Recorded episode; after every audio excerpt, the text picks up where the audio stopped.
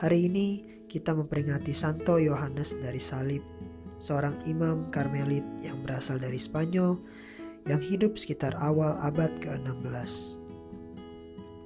Dari kisah beliau, kita belajar tentang keteguhan hati untuk tetap melanjutkan tugas dan karya pelayanan, meski sering kali dirinya mendapat perlakuan tidak menyenangkan dari rekan-rekannya yang bahkan sesama teman-teman religius.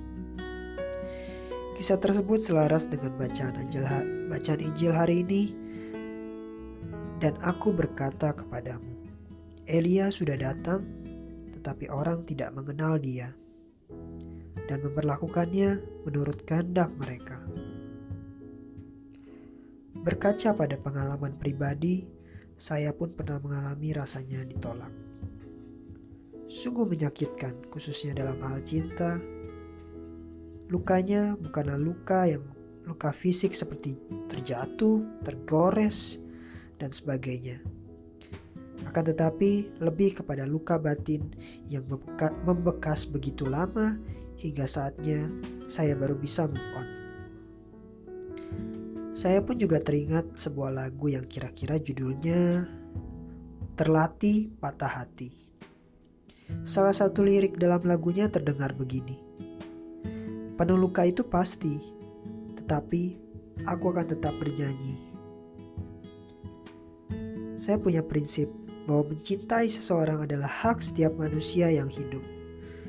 Dan ditolak adalah salah satu bagian darinya yang akan menempa seorang manusia menjadi pribadi yang lebih tangguh ke depannya untuk menjalankan karya dan mengembangkan talentanya masing-masing.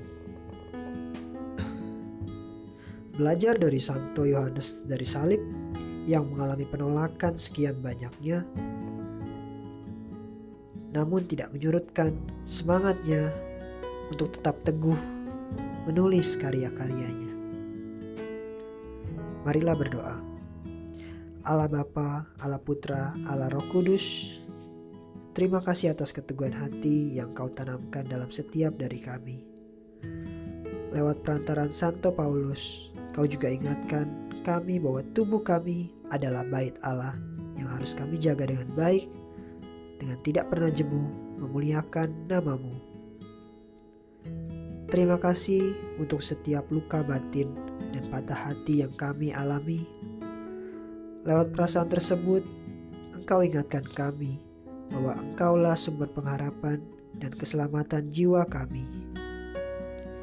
Ajar kami lewat perantaran Santo Yohanes dari Salib untuk tetap teguh dalam tugas dan karya hidup kami sehari-hari, sehingga kami bisa menjadi cerminan wajahmu di setiap tindakan, perkataan, dan perbuatan yang kami lakukan setiap harinya. Di dalam nama Yesus, kami mengucap syukur dan berterima kasih. Amin.